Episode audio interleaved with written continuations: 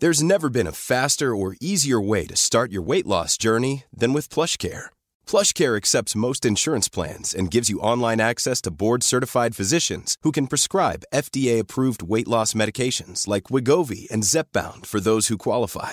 Take charge of your health and speak with a board-certified physician about a weight loss plan that's right for you. Get started today at plushcare.com slash weight loss. That's plushcare.com slash weight loss. plushcare.com slash weight loss. Mother's Day is around the corner. Find the perfect gift for the mom in your life with a stunning piece of jewelry from Blue Nile. From timeless pearls to dazzling gemstones, Blue Nile has something she'll adore. Need it fast? Most items can ship overnight. Plus, enjoy guaranteed free shipping and returns. Don't miss our special Mother's Day deals. Save big on the season's most beautiful trends. For a limited time, get up to 50% off by going to BlueNile.com. That's BlueNile.com. Life is full of what ifs. Some awesome, like what if AI could fold your laundry? And some, well, less awesome, like what if you have unexpected medical costs? United Healthcare can help get you covered with Health Protector Guard fixed indemnity insurance plans. They supplement your primary plan to help you manage out of pocket costs. No deductibles, no enrollment periods, and especially no more what ifs. Visit uh1.com to find the Health Protector Guard plan for you. Quality sleep is essential. That's why the Sleep Number Smart Bed is designed for your ever evolving sleep needs. Need a bed that's firmer or softer on either side? Helps you sleep at a comfortable temperature? Sleep Number Smart Beds let you individualize your comfort so you sleep better together. JD Power ranks Sleep Number number 1 in customer satisfaction with mattresses purchased in-store. And now, save 50% on the Sleep Number limited edition Smart Bed for a limited time. For JD Power 2023 award information, visit jdpower.com/awards. Only at a Sleep Number store or sleepnumber.com. I don't need a lot of brains in this business. I mean, I've always said if you got an IQ of 160, give away 30 points to somebody else because you don't need it in investments. What you do need is emotional stability. Wow. Very first tech IPO, and it's a big one. Stock market hit an all-time record high today. A crash is coming. Now, whether it's six months from now, 12 months, 36 months, no one knows. There's a bear market about every five years. We've gone eight years without one. People have to realize this is the biggest IPO ever.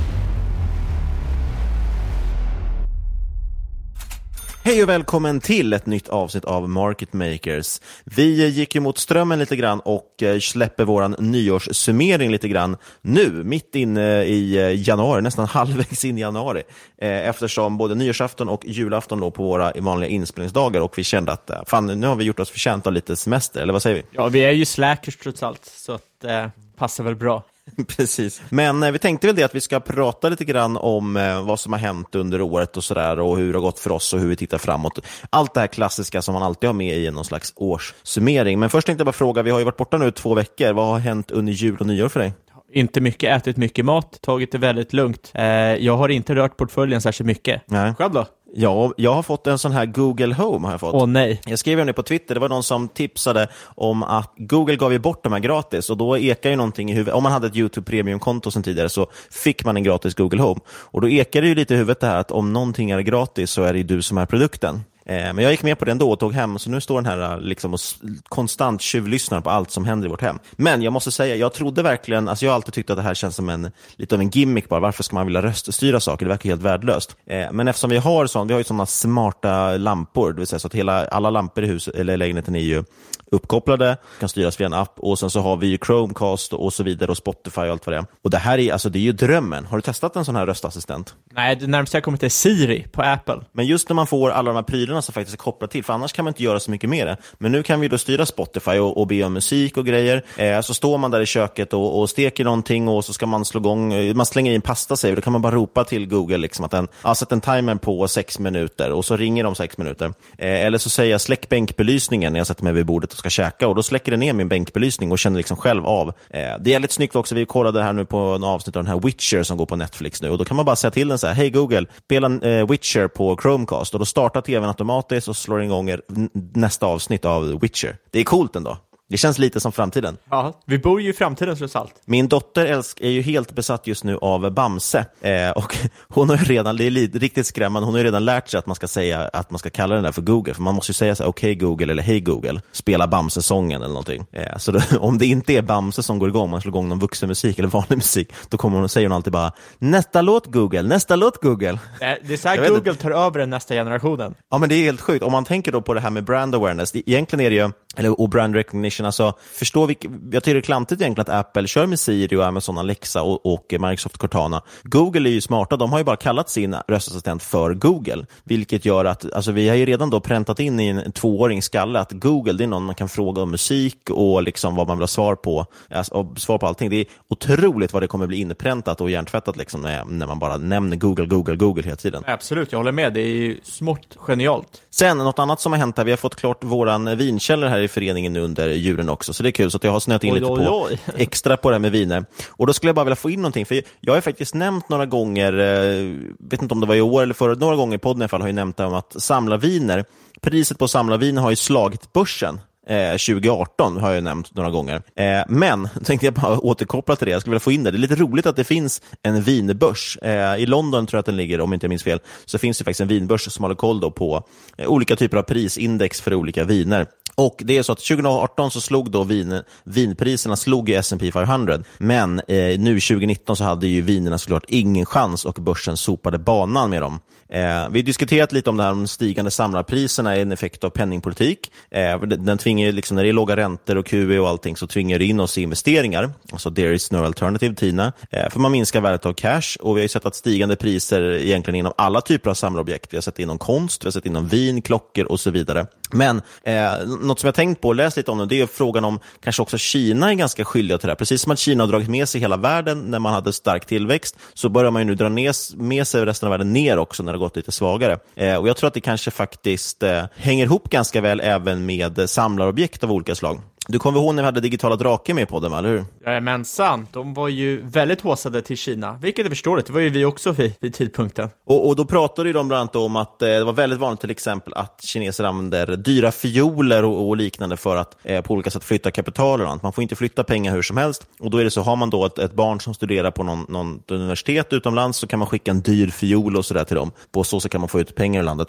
Och så spelar vi många fiol också. Men eh, vi såg även att bitcoinpriset eh, påverkades också väldigt mycket av just den grejen, att folk då hade kapitalflykt på olika sätt. Och sen såklart också, klart att till, eh, samlings, samlarpriser har ju såklart gått upp också, för att man, ja, Kina haft en enorm tillväxt, har skapat en mängd nya miljonärer som vill köpa lyxartiklar, och så då en enorm medelklass som börjar kanske intressera sig för vin till exempel. Eh, och faktum är att Kina då, enligt en rapport från 2018, är världens femte största konsument av vin. Så det är inte så konstigt att man märker av då att de påverkar priserna. Eh, och jag har inte hunnit se den själv än tyvärr, men det finns en dokumentär faktiskt från 2013 om just kineser och vindrickande eh, som heter, nu ska vi se, Red Obsession heter den. Eh, och Då pratar man bland annat om just att vinet börjar bli en statusmarkör i Kina, eh, vilket lett till kraftigt ökad efterfrågan. Och Då är det framförallt på kvalitetsviner och gissningsvis även samlarviner.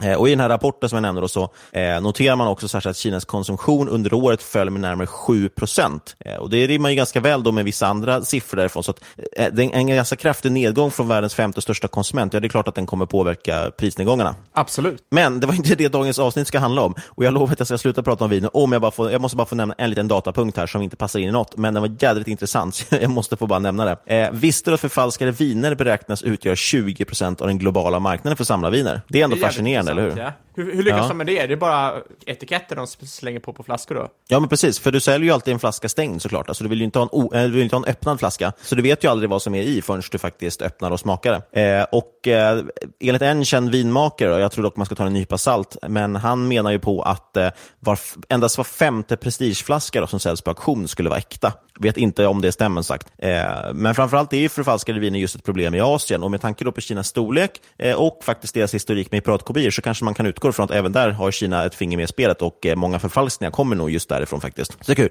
Vill man kika på det här vinindexen så kan man ju då söka på Fine Wine Indices till exempel. Det finns ju en mängd då, liksom olika index som man satt ihop. Lite roligt. Men vad ska vi prata om den här veckan? Jo, vi ska prata om årssummeringar och så vidare. Vi tänkte försöka, vi återanvänder samma punkter ungefär vi har kört varje år de tidigare åren och eh, försöker bygga vidare på det och lite kommentera vad vi sa förra året, hur det har gått och eh, titta framåt också. Oj, vad spännande. Men innan vi går vidare vill vi säga något viktigt, eller hur? Ja, exakt. Ni kommer höra mycket i den här podcasten, eller det här podcastavsnittet. Och kom ihåg, ingen rådgivning eller rekommendation. Eh, vi berättar bara om vår process, vad vi gör, vad vi inte gör och hur vi tänker eller inte tänker. Gör alltid din egna analys.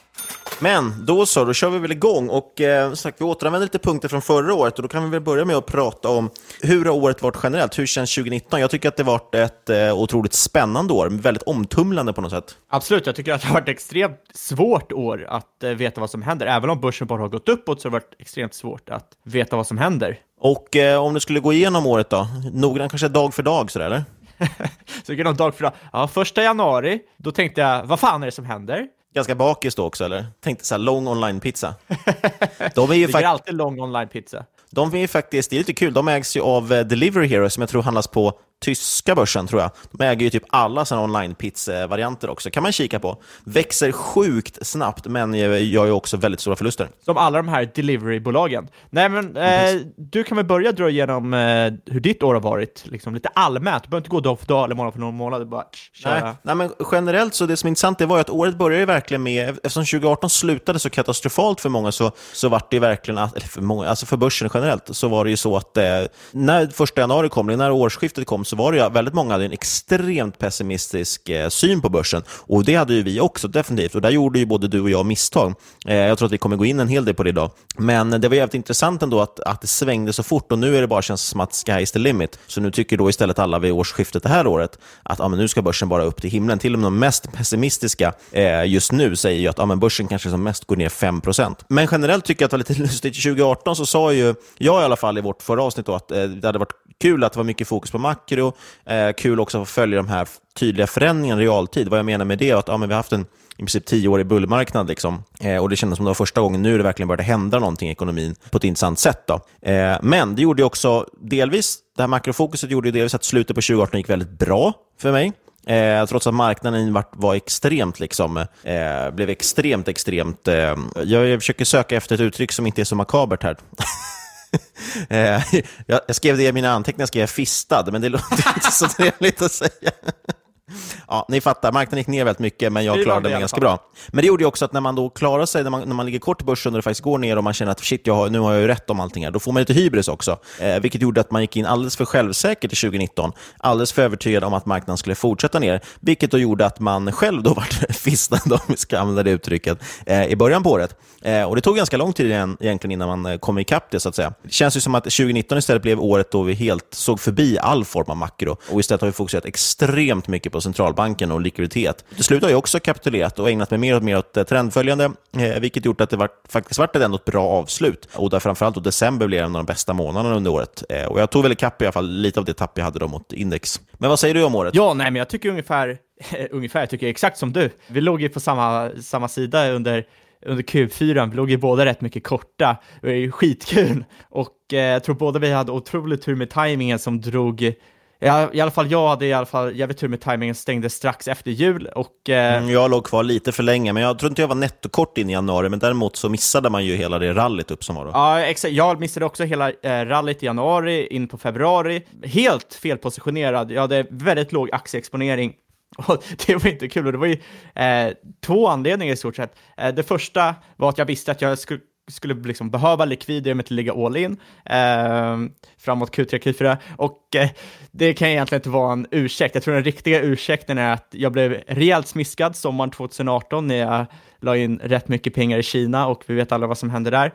Och eh, sen såg vi också det här stora tappet på börsen i, eh, i väst eh, jag ska inte ljuga och säga att jag var sjukt tapper då. Jag tror verkligen att det påverkade mitt confidence att jag inte vågade gå, gå balls to the walls all in börsen. Men, men, men det är inte så konstigt heller, för det var ju verkligen, alltså man måste ju, det är svårt att tänka sig det nu, trots att det bara var ett år sedan, men det var ju ett helt annat sentiment. Det kändes ju verkligen som att okej, okay, men nu, nu kommer det här stora tappet som många väntar på. Jag tror jag pratade om att det, jag förväntade mig en nedgång på kanske eh, en tredjedel till nästan två tredjedelar.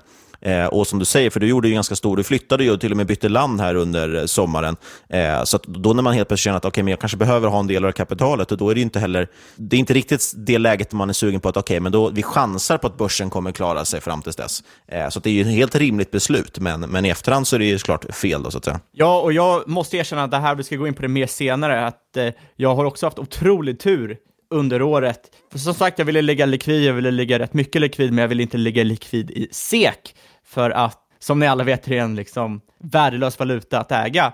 Så jag la in majoriteten av valutan i guld och sen också lite amerikanska dollar. Och ja, guldet har ju... Det var inte helt tokigt. Nej, så att eh, det har ju i stort sett byggt hela grunden i min portfölj. Eh, utan tvekan, hade guldet legat flat under året, då hade jag med råge underpresterat, eller inte med råge, men jag hade underpresterat index i alla fall. Och eh, ja, när man tänker efter lite, vi, vi, nästa vecka ska vi ha en intervju med en kille som heter Ludvig som skrivit en jäkligt intressant bok. Men i den boken går han in lite på en strategi som heter eh, Taleb's Barbell Strategy. Och eh, Taleb, det är den här Nassim Taleb-killen, han skrev Black Swan och eh, Antifragile och liknande. Och, eh, han har en sjukt intressant strategi som är i stort sett att om man, ni tänker er en skivstång med vikter, typ som man kör bänkpress eller knäböj eller marklyft med.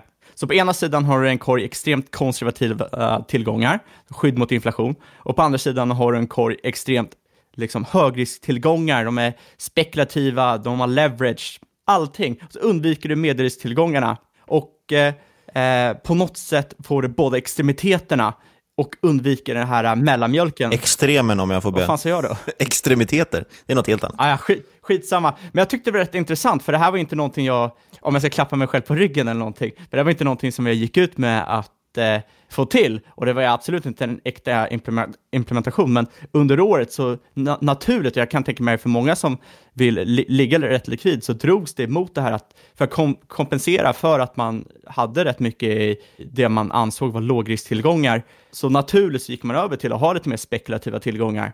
Nej, men det, är, det är ju en ganska känd strategi och det, den heter ju barbell, barbell portfolio just för att det är, ja, men som du säger, man är ju extremt viktad åt två håll. Då blir det ju som en liten skivstång och så är det tunt på mitten istället för att vara bred och så att säga ha alltihopa. Det är lite skojigt apropå just det här med guld och dollar, för både guld och dollar har ju ändå gått starkt under året. Guld har väl inte varit fantastiskt, men är hyfsat bra.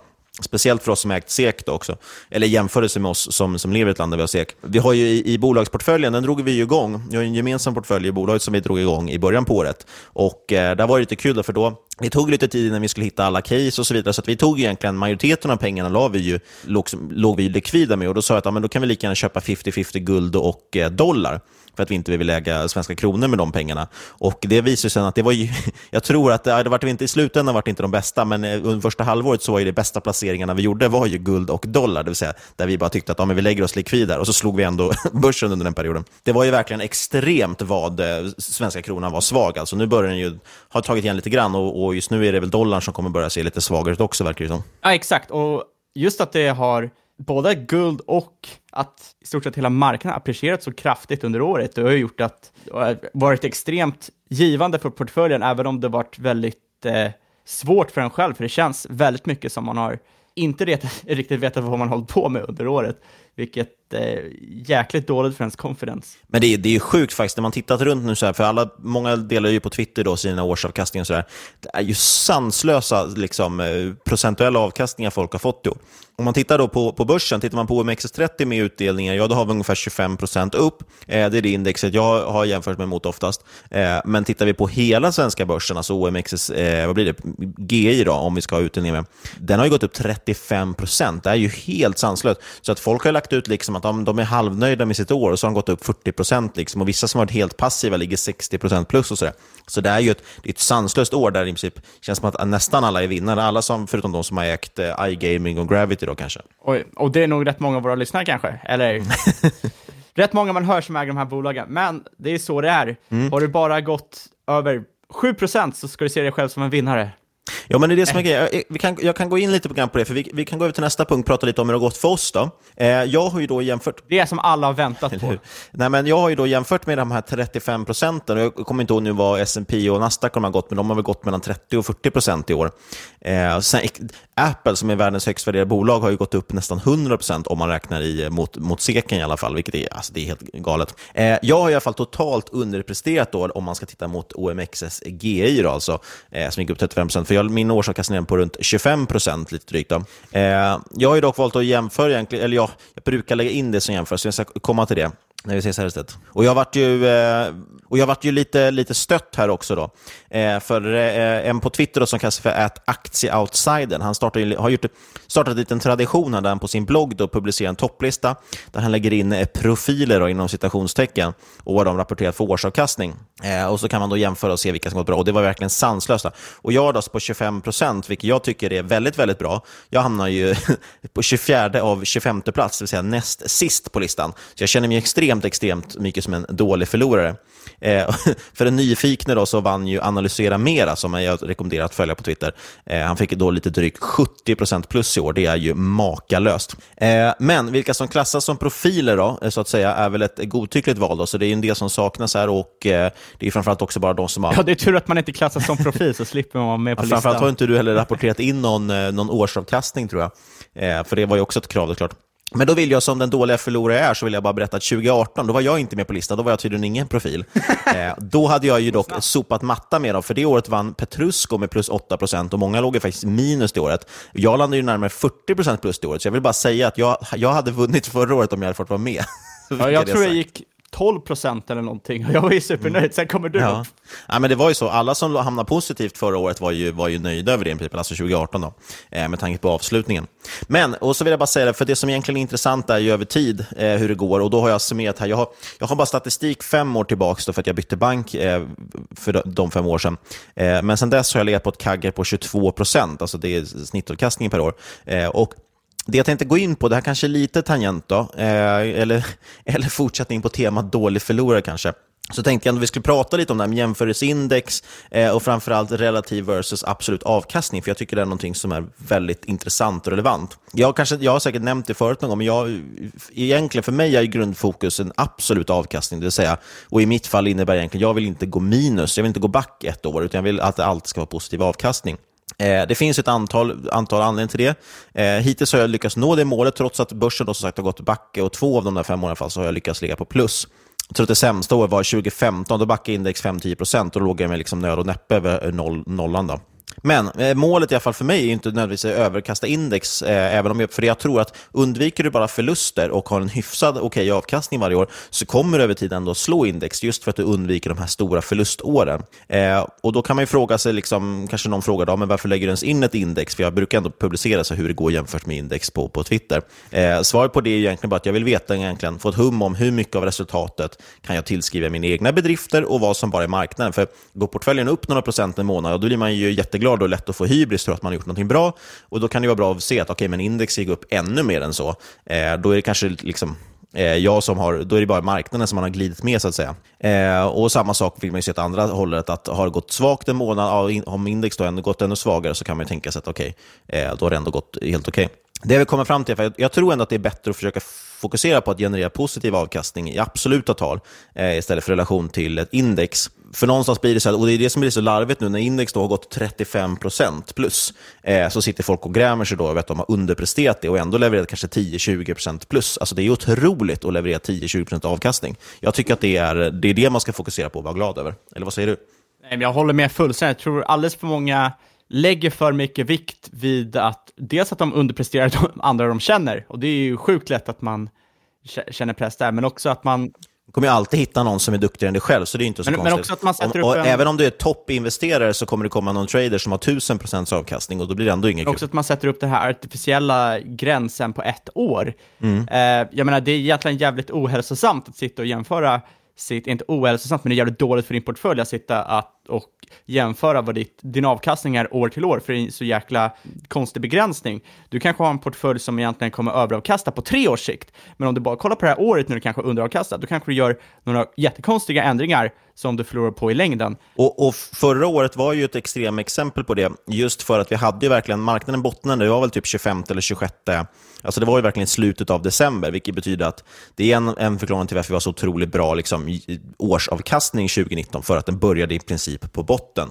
Och Anledningen till att jag inte tycker det spelar så stor, stor roll jämfört med index, det är för att eh, den här relativa avkastningen, alltså hur du presterar mot index, det, det kommer du aldrig få betalt för. Alltså det spelar ingen roll om jag skulle till exempel slå index med 10 procentenheter. Om indexen är 30 procent i året, då är jag ju också back 20, så jag har ju förlorat pengar.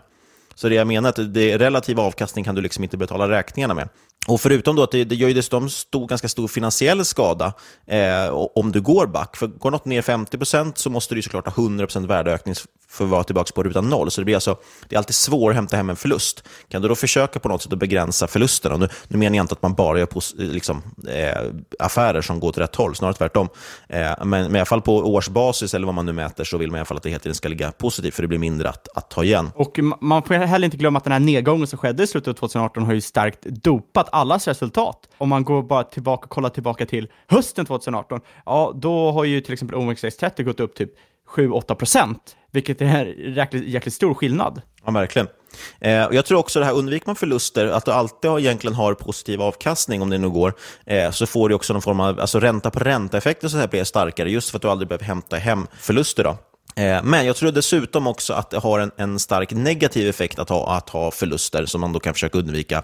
När det har gått ner mycket så påverkar det ändå ens, så påverkar det psyket också. För det är lätt att sitta och titta liksom på historisk utveckling eh, på börsen och säga att ja, men börsen går alltid upp över tid. Nedgångar, köptillfällen och så vidare. Men, men gemene man, och jag inkluderar där, eh, klarar inte av så stor nedgång. Jag skulle inte tycka att det var trevligt om min portfölj kunde 30 Jag skulle tycka det var extremt, extremt påfrestande och verkligen börja ifrågasätta väldigt mycket tror jag. Eh, och Det är inte så konstigt, det är därför vi ser de här cyklerna också, där folk flockar in till börsen när det har gått bra eh, och så slutar de investera vid nästa nedgång och, och de bränner sig. då Så att säga. Så att eh, jag, vet, jag, jag, skulle inte, jag vet inte hur jag skulle hantera en, en, stor nedgång egentligen i portföljer och därför försöker jag då helt enkelt undvika den typen av eh, situationer. Och jag såg en, en intressant graf på det här häromdagen faktiskt, som jag var tvungen att bara dela vidare. Det visade ju Apples utveckling sedan noteringen 1980. Eh, och då har man faktiskt totalt sedan man noterade Apple haft en otrolig avkastning på hela eh, 73 000 procent. Det är inte så dåligt, eller hur? Nej, det är fruktansvärt fint faktiskt. Och då kan man tänka sig, under de 30 åren, det har ju knappast varit så att det har stickat, tickat stadigt upp, eh, utan det har varit verkligen toppar och dalar. Eh, två gånger har faktiskt aktien backat mer än 80 procent från sin topp. Så jag menar, hur många hade, helt ärligt, hur många hade, ens, hade vågat öka eller ens sitta kvar då med sina Apple-aktier när dotcom-bubblan sprack och liksom Apple backade som mest 82 procent från toppen? Det är inte jättemånga som hade varit så iskalla. Mer troligt är att man kanske har sålt ut sig någon gång på, gång på gång, då varje gång aktien halveras och sen köper tillbaka någonstans nära toppen liksom och gjort, eh, ja, man faktiskt förlorat pengar istället. Jag kan garantera att det är nästan på 100 procent som har sålt ut sig under Apples resa. Verkligen. Och det är klart att det är trist då, man, man jämför sig ändå alltid på något sätt med index. Det hade varit klart varit trist att komma in på och haft 1% eh, positiv avkastning när index går 35% plus ett år. Eh, men ser man över flera års sikt så tror jag att det är klokt att fokusera på, man ska mer fokusera på de, de åren då börsen har backat men man själv har lyckats gå plus. Eh, och som sagt så har jag haft ganska mycket tur och genererat en bra eh, snittavkastning på 22%, vilket jag är supernöjd med. Eh, men jag är tveksam till att man kan på sikt hålla sig över det. Någonstans tror jag att man kanske liksom som säga, rättar sig in i ledet och landar där runt de här 8-10% som börsen historiskt genererat per år. Men man får vara glad så länge det, det, går bra så att säga, och att man kan undvika de här förlusterna. Det är ändå mitt huvudmål någonstans. Absolut, sen finns det ju alltid en, liksom, en god anledning att till exempel inte investera i index även om man eh, kanske går i linje med index eller kanske underpresterar och det är för att du kan ju överprestera riskmässigt om man säger så. Du kan ta lägre risk än vad index gör. Till exempel svenska index och amerikanska index som är väldigt korrelerade med varandra. Eh, många techbolag på ena eh, börsen, mycket industribolag på andra och finansbolag. Så att eh, genom att hålla mer eh, diversifierad portfölj till exempel kan du eh, minska på risken. Men med det, det var en lång, lång utläggning som var ett sätt för mig att bara berätta att jag är inte är bitter. Hur har det gått för dig i år? Eh, som sagt, det har gått helt okej. Okay. Jag slutar året på 38 procent, exklusive Ooh. uttag och onoterat. Jag tror faktiskt, det är, tror faktiskt det är första året jag haft en högre avkastning än Niklas sen vi lärde känna varandra, vilket är otroligt trevligt. Ja, det är bara att gratulera, gratulera. nu är, du är ju en man of the world nu också, så det är inte så konstigt. Lite mer om sig kring sig, ser, ser större perspektiv. Ja, det känns skönt. Det är bra, det är viktigt. Men det absolut intressanta, eh, det absolut, mest intressanta. det absolut intressantaste, vad är din bästa affär i år då, Niklas? Mm, vi får väl köra en sån, bästa och sämsta affär och vad man har lärt sig kanske. Eh, jag har lite tråkigt här, jag har inte riktigt hittat så här något, något tydlig, eh, tydliga, specifika bolag. Så. Eh, det som gått bäst i år vill jag dock påstå, det är väl framförallt, eller det jag tjänat mest på, det är ju framförallt Fortnox och Evolution Gaming. Eh, och det jag har lärt mig av det, så att säga, det är ju det här med långsiktigt. Jag har verkligen försökt öva nu på att inte vara så himla flyktig, liksom, att, att man, man går in och ut ur saker, utan bara försöka sitta och hålla kvar och försöka öka på lite grann, kanske när det dippat och sådär, för att det är bolag man tror på. Eh, så det är de två bolag som har liksom då, dessutom blivit störst i portföljen med, med, med råge, just för att jag bara låtit dem ligga, och de har ju nästan dubblerats under året bägge två. Eh, sen dessutom, något annat som varit kul är att jag har börjat mer och mer, jag kommer komma in på det, jag tror till och med ska prata om det i något avsnitt, att jag börjat jobba mer och mer med swing-case också, en swing-portfölj, där jag gör kortare, eh, mer, vad ska man säga, mer momentum, eller ja, mer tekniska egentligen, eh, case. Och det har också gått otroligt, otroligt bra på slutet här, vilket gjorde att ja, jag kunde återhämta mycket mot indexen. Då, vilket, eh, ja, det, det har varit en, en, rolig resa, det är kul att det har gått bra. Det känns som vi har hittat någonting där. Eh, så det kommer jag nog prata om i något avsnitt, men det har också varit något som har varit bland de bästa affärerna. Om man slår ihop det, där är ju väldigt många små case, men tillsammans har de genererat otroligt långt över förväntan. Ja, du har ju alltid varit lite av en swinger-kille, så det är inte... det är rosa flamingos i hela lägenheten. Ja, men ditt bästa ja, case då? Ja, mitt bästa bolag är också ett av mina minsta, som det alltid är. Eh, och det är ett bolag... Det är något som rimmar på Spotify. Exakt, men det är inte Spotify. Det är ett kanadensiskt bolag som heter Shopify. Mm, just det, där har jag varit kund. Ja, jag eh, blev intresserad av det här bolaget så tidigt som 2015 och alltid tyckte det var jävligt dyrt. Och till slut körde jag lite risk-on och köpte en liten position och det har ju gått fantastiskt bra. Eh, men det hade kunnat gå fantastiskt mycket bättre om jag hade köpt mer, ungefär som bitcoin 2017. Eh, istället för att sitta här och hålla den här podden, att kunna sitta på Rivieran och dricka cocktails. Men jag är inte bitter. Nej, jag köpte inte Shopify alls och jag har också stått och kollat på många. Det är, det är typ ett sånt extremt bra bolag, fint bolag, men det är så jädra dyrt. Och inte eh, alls för, eh, försvara värderingsmässigt på något sätt. Det är 100% på framtidsutsikter, deras nisch på marknaden och hur långt ifrån, i alla fall enligt mig, de är mot eh, konkurrenter. Jag satt och kollade på det här noga för några år sedan, då var i stort sett, du tog Shopify eller så tog du Wordpress och så installerade massor med add-ons. Den det försprånget Shopify fick då genom att bara kunna ha den här uh, click and play var så extremt värdefullt att de har ju i stort sett uh, alla spelare som vill starta egna. De har ju, de har ju Elizabeth Warren, eh, det här är ju askul tycker jag. De har ju, du vet Elizabeth Warren, presidentkandidaten, hon som vill störta miljardärerna. Jag tänkte kanske vi bara fort, fort ska säga vad Shopify gör ens, annars fattar de inte ens kontexten. Det är ju alltså en plattform för e-handel, så att om du vill starta en e-handelsbutik, en butik på nätet, då går du in på Shopify och trycker starta e- e-handel. Jag vill bara få säga det, förlåt. Ja, nej men absolut. Det, det är så jobbigt när man pratar aktier, för att det är lätt att man hoppar över det mest grundläggande och går vidare till det man själv tycker är roligt. Exakt. Eh, tänk att ni vill starta en egna Amazon eller vad fan som helst, starta en egna webbutik. Det har alltid varit jäkligt kruxigt, ungefär som det var att starta hemsidor förut. Men så kommer det tjänster som gör att det här blir väldigt lätt att göra. Och det här kan man ju dra en liknelse där som du sa med Wordpress. Wordpress är ju nu, det är ju världens största plattform för hemsidor. Nu har jag inte siffran i huvudet, men det är väl typ någon 70% av alla hemsidor som körs på Wordpress. Just för att det är så jädra enkelt att bara dra igång och så har du en sida som du kan jobba med. Eh, Shopify har gjort väldigt mycket samma sak för e-handel. Det är verkligen bara några klick och sen så har du igång en e-handel. Men som sagt, det är så här bolag som är extremt högt värderat. Och framförallt tjänar de inga pengar. Det ligger ju på P minus 365. Exakt. På det sättet är det väldigt svårt att ra rationalisera ur en värderingssynpunkt. Det är 100% på tillväxt och eh, framtidsmöjligheter och deras möjlighet att ta marknadsandelar för folk som vill starta eget. Men det är ju lite det vi har pratat om också när vi pratar om Visa och Mastercard och de här till exempel, så pratar vi ju mycket om att ja, men vissa bolag kanske är värt att betala en premie för. Eller åtminstone är marknaden överens om att de är värda det just nu. Och det är lite samma med de här, hittar man de här riktiga tillväxtcasen så kanske det är så att det kanske ändå är värt att köpa Shopify till en helt, PS låg på 33 eller någonting. Men med tanke på hur mycket de växer och förutsatt att de kan då slå över till vinst någon dag så kan det vara värt det. Men vad ville du berätta om Elizabeth Warren? Använder hon Shopify? Jo, just det. Det var så kul. Jag såg, det var någonting på Twitter också. Då såg jag Elizabeth Warren, den här eh, demokratiska presidentkandidaten. Eh, hon är väl inte riktigt Bernie Sanders, men hon är inte ett fan av miljardärer. Då var det så kul att hon hade startat en Shopify-plattform för att sälja kläder, eh, där det i stort sett stod liksom krossa miljardärklassen eller vad fan det stod. Men då ger hon ju direkt pengar till grundaren som är miljardär. Äh, jag tyckte det var fantastiskt roligt. Ja, men ska vi gå till det tråkiga, sämsta affärer? Vill du börja, eller ska jag börja?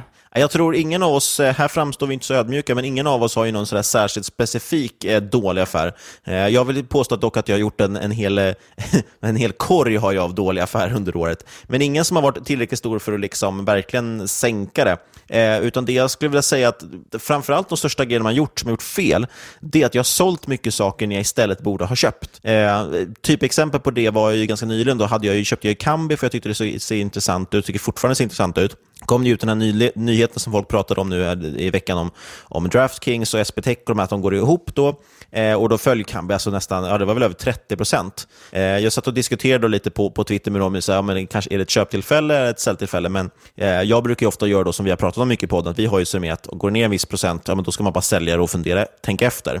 Så då drog man ju handbromsen, sålde ut det och sen har ju den gått, vad, vad är det, 15-20% på en vecka. Så det du borde gjort egentligen, det är ju liksom double down när det hade gått ner så mycket, för att du fortfarande visste, att okay, men det här påverkar inte affären särskilt eh, och dessutom så vart det ju bara ännu billigare. Eh, och jag, jag har en mängd sådana affärer där det liksom har gått åt fel håll och man har tröttnat liksom, eller blivit bara dragit handbromsen eh, när man egentligen har känt inombords att vänta, det här är nog ett köptillfälle och så har man inte slagit till. Och Det, det har irriterat mig väldigt mycket. Och Där gäller ju det här just att du måste alltid vara påläst, ha koll på dina case så att du inte blir rädd när det faller. Liksom. Eh, och, och, verkligen känna trygghet. Okej, okay, men vänta, nu vart det faktiskt billigare, liksom, så att då kan man köpa mer av det. Eh, många sådana har gjort och sen såklart att man har alltid grejer som går åt fel håll, speciellt då nu när jag har tagit mycket kortare positioner positioner eh, så är det mycket som har gått åt fel håll. Men där också då, då rycker man det när det går. Jag lyckas ändå hålla nere förlusten. Jag har inte följt någonting liksom till botten, så, utan det har mer varit att man missat möjligheter eller sålt vid fel tillfälle och så där skulle jag påstå. Ja, jag känner exakt samma sak som du gör. Ingen särskild nitlott, just på grund av att man dragit handbromsen så pass tidigt. Och det, det har ju varit en fruktansvärt dålig taktik det här året när i stort sett allting har gått uppåt. Så allmänt kan jag konstatera att min, min allmänna handel har varit rätt dålig. Jag har haft dålig timing, haft eh, liten size, dålig confidence och framförallt sålt i onödan när jag bara skulle ha hållit kvar. Och varit otroligt påfrestande varför jag tycker att 2019 har varit ett otroligt jobbigt år att investera på börsen, även om avkastningen har varit relativt bra. Känns som alla har tjänat pengar, så tycker jag faktiskt att det har varit en riktigt pissår att investera. Det är svårt också, man har ju varit lite nervig hela tiden för att som sagt, där, det finns ju ingen makrodata som pekar på att någonting blir bättre, utan det är ju bara, bara likviditet som driver på allting eh, och stora, stora återköp av bolagen. Så att någonstans allting bara går upp, går upp, men allting, alla makrosiffror pekar åt fel håll och då blir man liksom man, man är ju väldigt, det är väldigt lätt att sälja av i minsta lilla liksom, motvind, vilket gjort att man, man, man hovrar liksom lite över säljknappen och, och säljer då lite för lätt och, och vågar inte ta size som du säger. Då. så det, det blir ett svårt år att navigera då, tycker jag, när man inte känner att man har medvind. Jag tycker på så sätt vore det skönt, nu fick vi i och för sig en nedgång förra året, men det känns som att man skulle ha haft ett sånt rejält liksom, tryck nedåt så man kunde känna att okay, men nu, är det bara, nu är det bara uppåt härifrån igen. Nu har vi tio år till liksom, av bullmarknaden. Det är väl det man, det man vill, vara helt säker på vad som händer framöver. Men ja, vi kan ju säkert ha tio år bullmarknad till. Vi vet ju inte hur länge Fed ska sitta och stimulera, även om de säger att de inte ska göra det. Eh, lärdomar under året hade vi en liten eh, punkt här också. Vad skulle, du, vad skulle du säga där då? Ja, att det här snabbt kunna ändra sig och vara ödmjuk mot marknaden är ju fantastiskt viktigt. Och eh, jag kan inte säga att jag är särskilt ödmjuk och jag kan inte säga att jag är särskilt snabb på att ändra mig, men jag blir bättre och bättre på det. Och det är ju otroligt viktigt. Bara det här att man inte står fast vid till exempel att börsen ska ner, börsen ska ner, utan man faktiskt eh, vågar lägga in sig på marknaden, erkänner att man kanske har fel, eh, vågar ta den här risken, för det är ju trots allt en risk att investera på aktiemarknaden. Otroligt, otroligt viktigt och eh, att konstant få lära sig det här, för teori skiljer sig jäkligt mycket från eh, praktik och man kommer aldrig kunna bli en bra investerare av att läsa sig till hemligheten eller försöka läsa sig till hemligheten och att ha is i magen. Det är ju ett vanligt begrepp eh, när det kommer till investering, men det är ju fantastiskt svårt i, att ha i verkligheten. Väldigt många som som jag själv, när man plockar upp en aktiebok för första gången och, eh, första gången och läser att ha is i magen, tänker man, klart som fan jag har is i magen, men det är ju en förvärvad eh, kunskap, det är något du förvärvar att kunna ha det.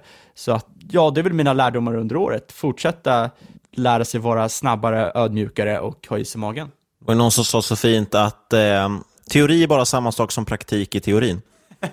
Håller med. Hur har det gått för eh, vad dina lärdomar? Ja, men det stora, vi har, vi har pratat lite om det här eh, om, redan såklart, då, men, men det stora som jag har lärt mig under året, eller känt att jag har kunnat fördjupa mig inom, det är just det här med momentum och eh, lite trendföljande och sådär.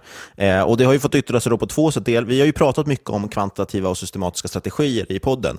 Eh, det känns skönt att äntligen börja hitta någonting som, som liknar det. Delvis kör vi i vår gemensamma portfölj så har vi ju nu en fondstrategi, eh, det här global, global trendföljande som vi då postar också om en gång på Twitter varje månad.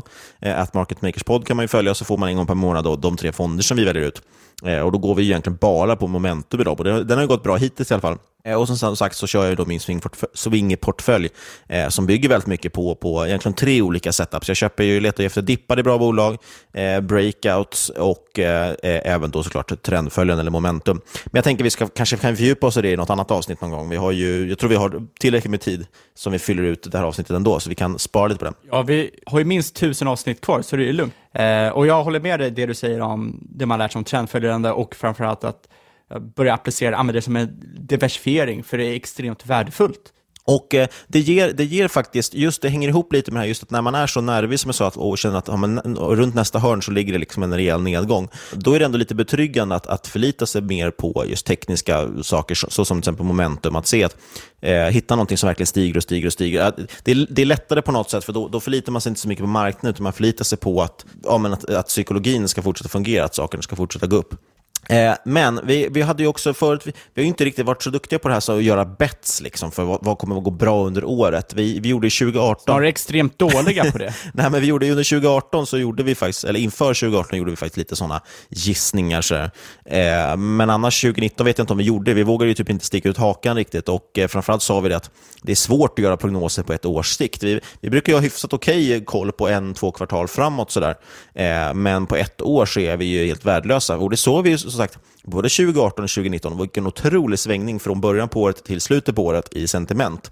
Men det var ju lite roligt faktiskt. Då tittade jag igenom vad vi, vad vi rekade, så att säga, eller vad vi pratade om inför 2018. Då nämnde du bland annat ABB. Eh, det gick ju neråt istället. Eh, ja, vi nämnde Alibaba, Tencent. De gick också vart slaktade i slutet på 2018. Eh, och det var en mängd sådana saker som vi liksom sa att det här kommer gå starkt 2018, så gick rakt ner i källaren. Men som 2019 då levererar otrolig avkastning. ABB gick upp 33% i år.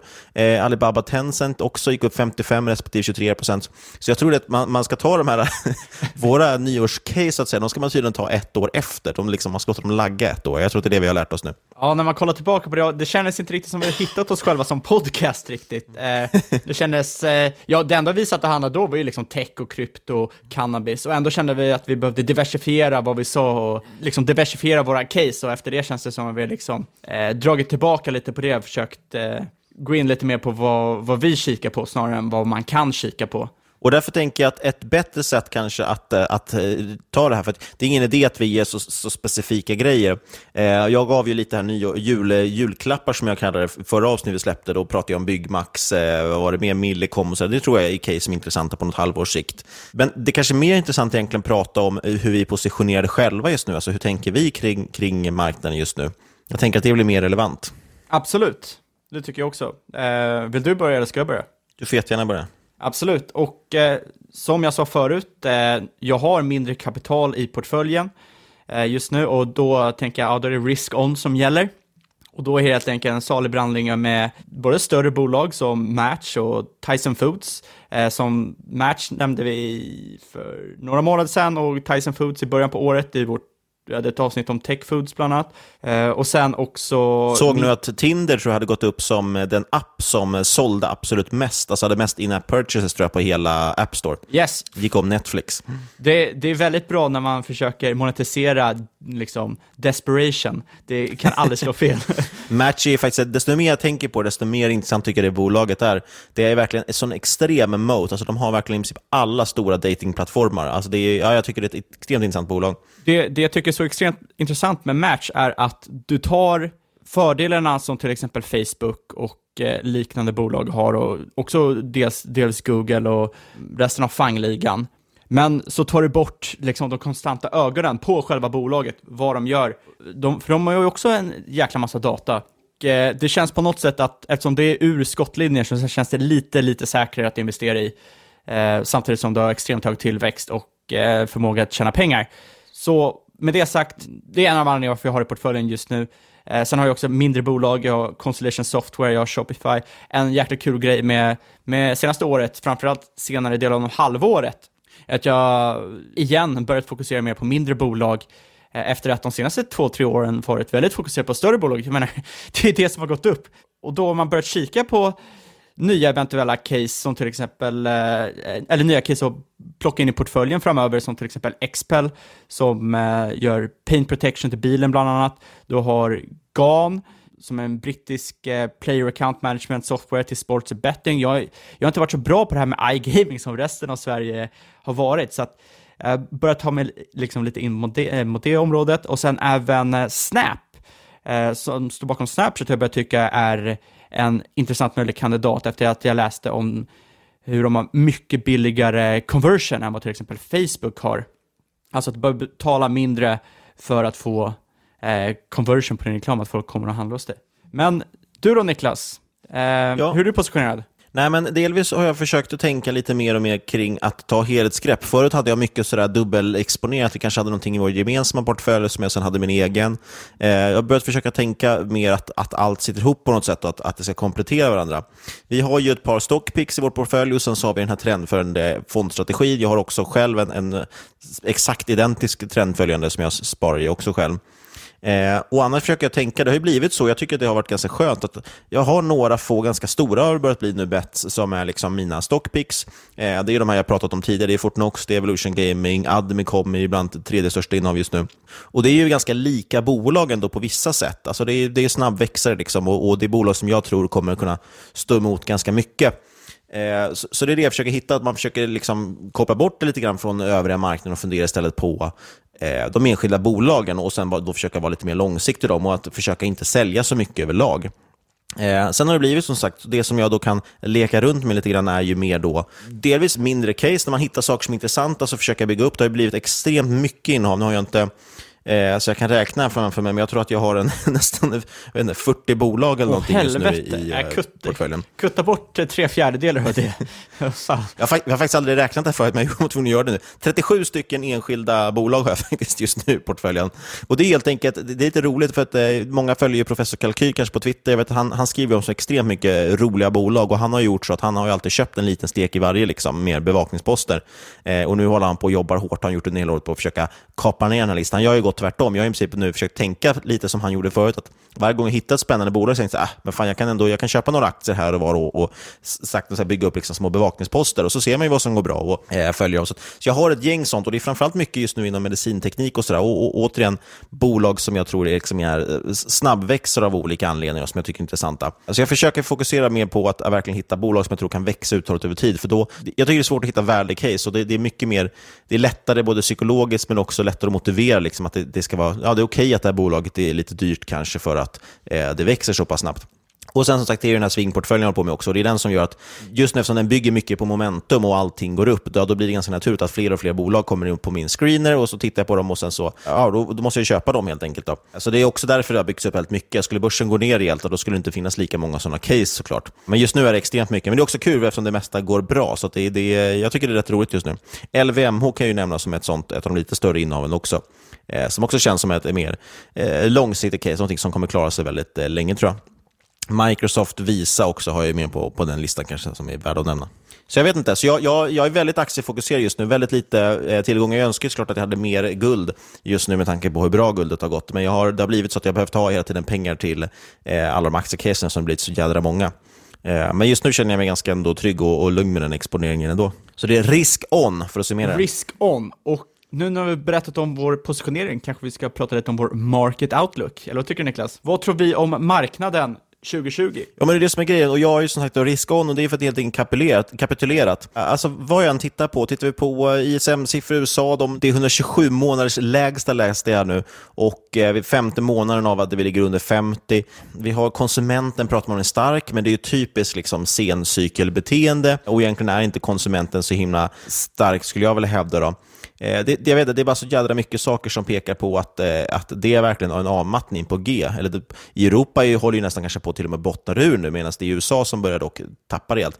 Det är så jädra mycket makro som, ser, som inte ser kul ut.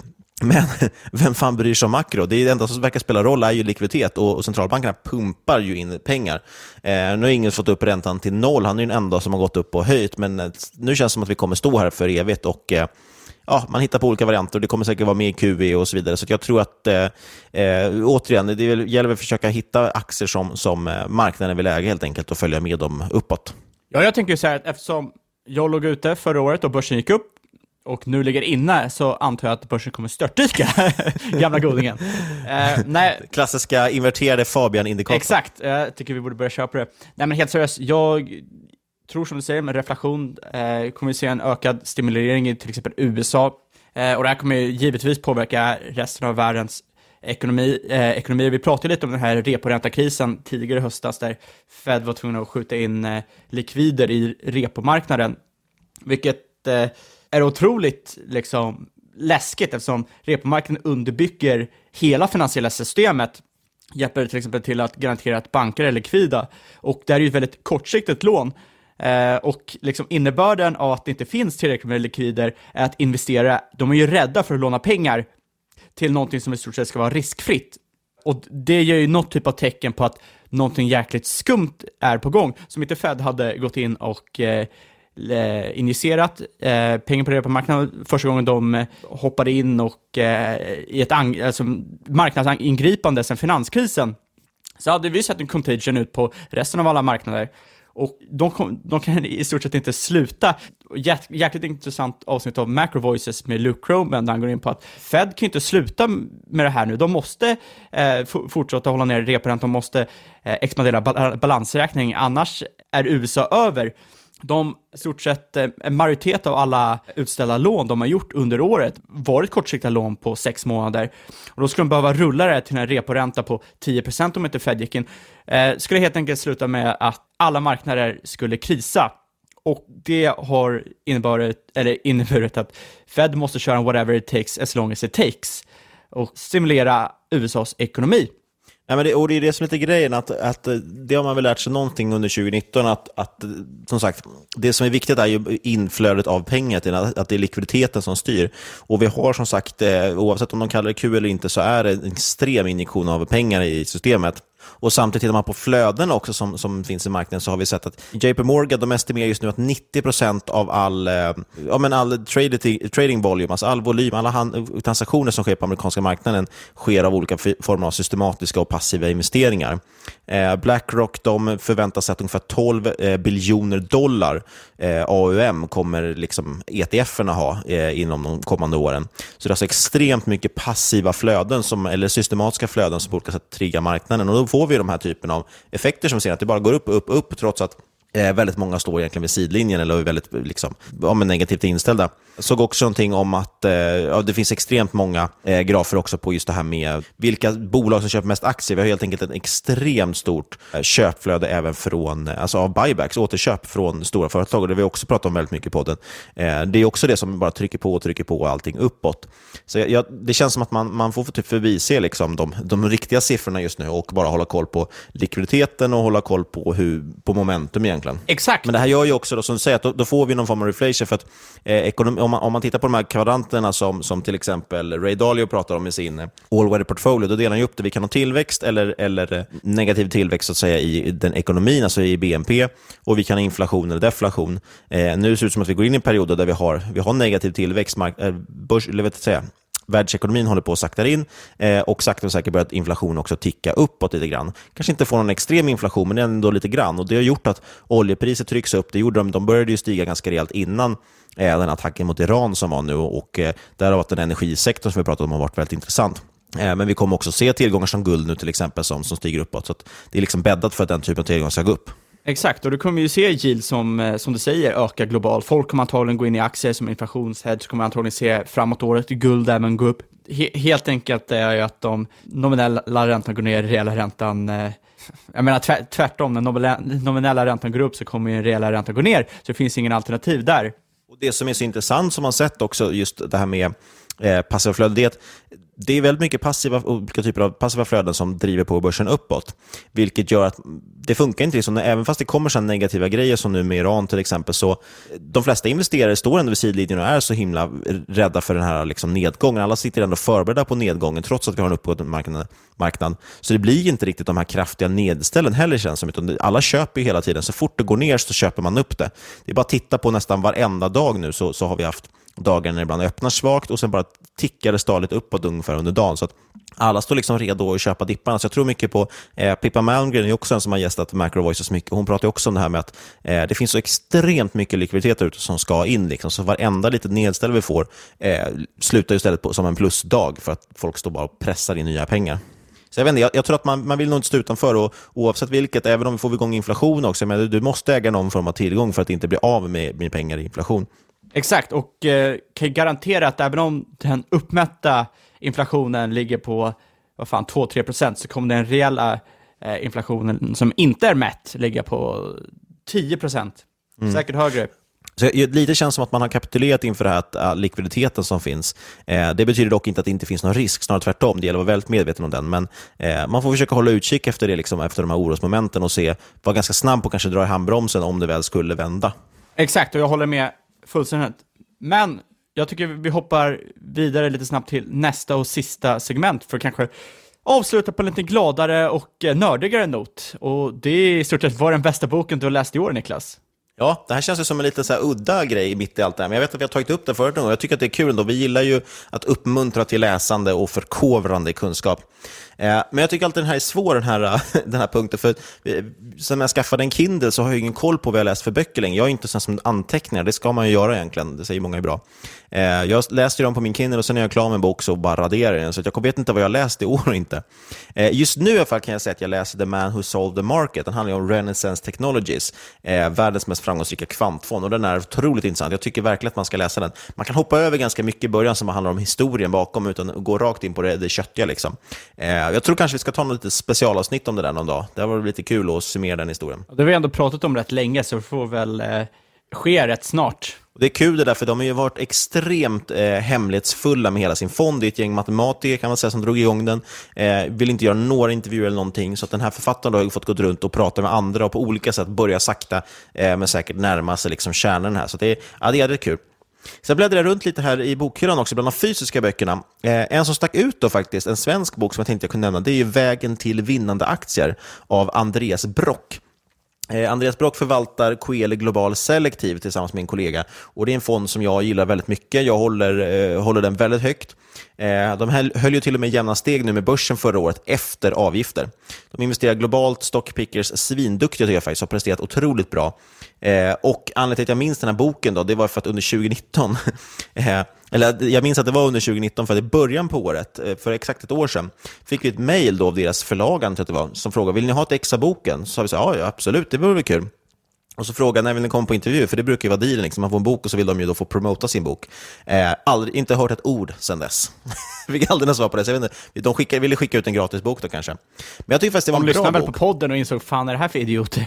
ja, men jag tycker faktiskt, jag vill ändå lyfta, jag tyckte det var en väldigt liten, ganska lättläst och, och enkel bok, men den var väldigt lättillgänglig, eh, väldigt konkret, sunda värderingar och jag, jag faktiskt gillade den och skarpt. Jag tyckte att den var eh, bra. Jag tyckte den summerade mycket och gav konkreta exempel och, så där, och, och gillar den. Och som sagt, med deras track record så tycker jag att den är väl, väl värd att läsa. Den heter alltså, eh, vad sa jag nu, Vägen till vinnande aktier av Andreas Brock. kan man kolla in.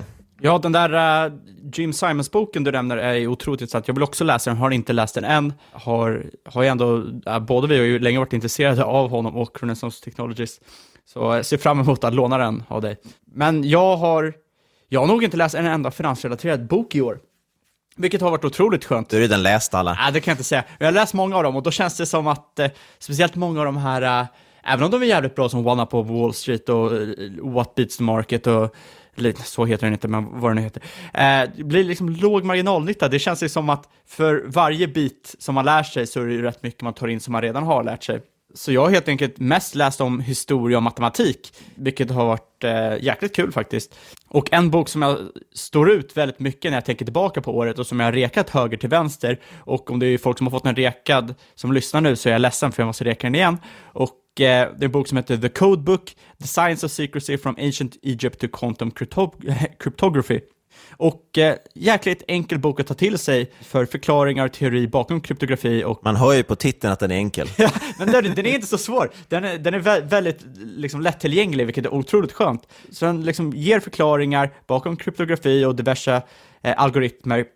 Och så är det sammanflätat med anekdoter och historia, så gör att det blir både extremt intressant, matnyttig och jäkligt rolig läsning. Jag, jag, jag håller faktiskt med dig. Det, det är kul. Jag har också känt att jag har läst väldigt lite finansrelaterat. Och just för som du säger, att man känner inte att det riktigt ger lika mycket. Det är klart att man blir alltid lite vassare på någon, alltså man lär sig alltid lite grann, men det ger mycket, mycket större marginalnytta som säger att läsa någonting annat känns som. Det jag försökt göra då istället är att försöka hitta böcker som, som ger lite av bägge. Till exempel The Ascent of Money tyckte jag var intressant. Åh, Det är Niall ju liksom Ferguson. Då, det är histori en historisk syn på pengar till exempel. Äntligen läser du den. Jag har rekat den i flera år nu. Är det så?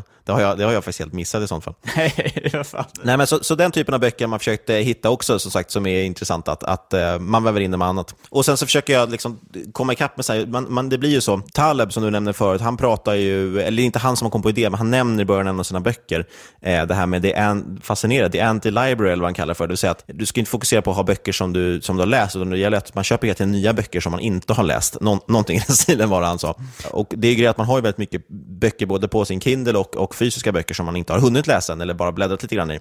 Eh, Så jag försöker ta igen mycket sådana också, sådana klassiker. Typ. Den senaste som jag började på här innan om Renaissance Technologies var ju eh, vad heter den då? Zen and the Art of Motorcycle Maintenance. Eh, riktig skitbok alltså, så den stängde efter 100 sidor typ. Men det är kul. Den har stått där i säkert eh, 10 år i bokhyllan och så tänker man nu jäklar ska jag ta mig an den här. Det är ju ändå en klassiker det var skitdålig var den. Men vänta, bara lite Det snabbt. Det som du, sa, det du sa om att eh, stänga boken är otroligt, eh, otroligt bra insikt. Jag fick, det finns en Twitter-filosof, heter Naval. Han är också grundaren av ett bolag som heter Angelist, har jag för mig. Så han är lite mer än bara Twitter-filosof. Men han gav mig jävligt god insikt för några år sedan om just läsande, speciellt om du har svårt att läsa. Det första är att eh, eh, read what you love until you love to read. Och bara läs vad som helst som du tycker är kul tills du börjar läsa mer. Och det andra är att om du läser en bok eh, och så kommer du tillbaka och så inser du att ah, men jag sitter hellre och flipprar på mobilen och fortsätter läsa den. Välj en ny bok, skit i den boken, även om du inte är klar. Vi har ju jävligt så här completionist mindset och det fuckar ju upp rätt mycket. Det brottas med otroligt mycket med. Och jag har alltid undrat det, jag har aldrig fattat det. Man hör folk som läser så jävla mycket böcker varje år, så man, hur klarar de det? Sen när man börjar prata med dem så märker man, ju, när jag lyssnar på det, så märker man att många hopp, läser ju inte klart några böcker, utan de sitter ju och skumläser mycket och hoppar lite fram och tillbaka. Så, eh, och det tycker jag man märker mer och mer. Att man, man själv börjar också, för det, det finns faktiskt så, har du läst, ibland är det så, har du läst 100 sidor av en bok och så märker man ganska fort, okej, men vi kan ta ett, konkret exempel, typ eh, Thinking Fast and Slow, Daniel Kahneman, är typ typiskt sån. Du, du kan läsa typ, typ 100 sidor av den boken, behöver du läsa. Eh, kanske inte ens det, så har du förstått grejen. Sen är det bara massor med exempel på för att hamra in poängen. Liksom. Och de flesta, väldigt många böcker skulle ju kunna summeras i liksom en, en, en executive summary, skulle du kunna ha istället. Eh, jag tror det finns faktiskt en tjänst som jag prenumererar på ett tag som heter Blinkist. Den gjorde ju precis det. De summerade ihop eh, massvis med stora, kända, liksom, icke-skönlitterära böcker till, eh, till tio stycken punkter. Så det här är vad boken handlar om. Jag skulle ändå, ändå säga att det enda neg eller det negativa med Blinkist är att det kan vara det kan vara svårare att ta till sig koncept än vad man tror att det kan vara. Absolut. Ofta så är man ju väldigt snäll mot sig själv och tänker fan, det här förstår jag. Och sen kanske om du ska återberätta det för en kompis, jag vet att alla varit med om det, ska man återberätta ett koncept så inser man, ah, jag kan inte riktigt återberätta det här. Nej, och problemet med Blinkist är väl lite att de, de, ibland kan de fokusera på fel saker också. Alltså jag känner inte alltid att det gav så mycket, men det var lite rolig tjänst att testa ett tag faktiskt. Jag tycker otroligt bra är att, märker att du inte läser boken, plocka upp det, skumma några sidor, eh, är det tråkigt, gå till nästa kapitel, är det fortsatt, fortsatt tråkigt, byt bok. Ja, men verkligen. Så får du lite på det och så får du in eh, att du läser mer. Och jag menar Annars liksom, blir det som du säger också att det blir tråkigt och då kommer man ändå inte läsa klart det. Eh, men Att- jag, jag att förstår det, man vill gärna läsa till slutet, men det ger sällan särskilt mycket att få, få slutet på det. Nej men det är som att hålla kvar en aktie som har gått ner 75% och hålla den till noll. det, det, det gör ju ingenting heller, men man gör ju det ändå liksom. kommer inte ge någon glädje att se slutet. Men Nej, du, men jag tror att vi har exakt. gått eh, långt över tiden. Ska vi tacka för oss den här veckan och så är vi tillbaka nästa vecka med en intervju med Ludvig Rosenstam Åman som har skrivit boken 101 tankar om aktier. Eh, kan vara något för den som vill hitta just något att läsa kanske. En bra bok faktiskt också bläddra fram och tillbaka i eftersom det är 101 olika tankar. Ja, Niklas, ska vi hoppa direkt till disclaimer? Skulle köra en innehållsförteckning? Jag tycker vi är vä- väldigt klara i podden. vi Ja, vi har ju bara pratat om saker som vi äger i princip, så det är väl ingen idé att göra det. Det var väl väldigt tydligt vad vi ägde och inte. Eh, men som vanligt betyder det att inget du har hört i den här podcasten ska ses som rådgivning. Alla åsikter i våra egna eller vår gäst och eventuella sponsorer tar inget ansvar för det som sägs i podden. Alla investeringar är förknippade med risk, sker under eget ansvar. Försök inte förlita er på, på att vi har köpt någonting eller sålt någonting och så vidare. Men vill man kontakta oss, får gör man det? På podcast at marketmakers.se eller på Twitter at marketmakerspost. Podd. Eller via post på... Ja, Eh, var skickar man de det breven? Skriv bara Market Maker, släng på brevlådan så kommer det nog fram. Men det är faktiskt så, nu är vi igång igen. Nu kommer det komma avsnitt varje vecka, precis som vanligt. Men som sagt, vi har en intervju nästa vecka och det är för att jag reser bort. Så att det, det, ja, men vi vill inte få något mer avbrott nu, så nu kommer det komma varje vecka. Det kommer bli svinkul. Har ni några idéer och sådär, det kan ni också mejla in och tipsa då om ämnen ni vill att vi ska ta upp, eh, gäster vi ska bjuda in eller vad det än är. Annars rullar vi på med massvis med roliga avsnitt. Nu har vi ett helt år framför oss, ett helt årtionde framför oss med nya spännande eh, börshändelser. Låter fantastiskt. Vi hörs igen om en vecka. Puss och kram, skumbanan.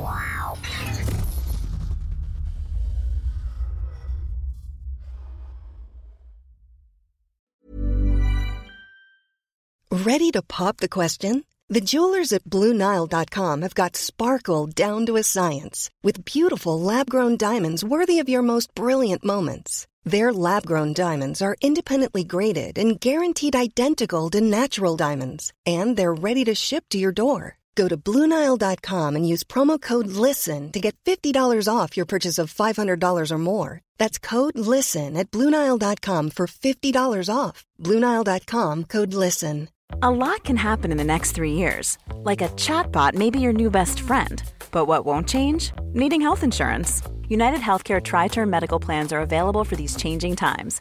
Underwritten by Golden Rule Insurance Company, they offer budget friendly, flexible coverage for people who are in between jobs or missed open enrollment. The plans last nearly three years in some states, with access to a nationwide network of doctors and hospitals. So, for whatever tomorrow brings, United Healthcare Tri Term Medical Plans may be for you. Learn more at uh1.com. I'm Sandra, and I'm just the professional your small business was looking for. But you didn't hire me because you didn't use LinkedIn jobs. LinkedIn has professionals you can't find anywhere else, including those who aren't actively looking for a new job but might be open to the perfect role, like me.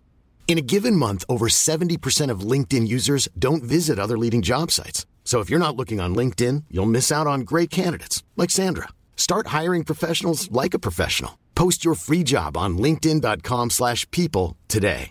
Burrow's furniture is built for the way you live. From ensuring easy assembly and disassembly to honoring highly requested new colors for their award-winning seating, they always have their customers in mind. Their modular seating is made out of durable materials to last and grow with you.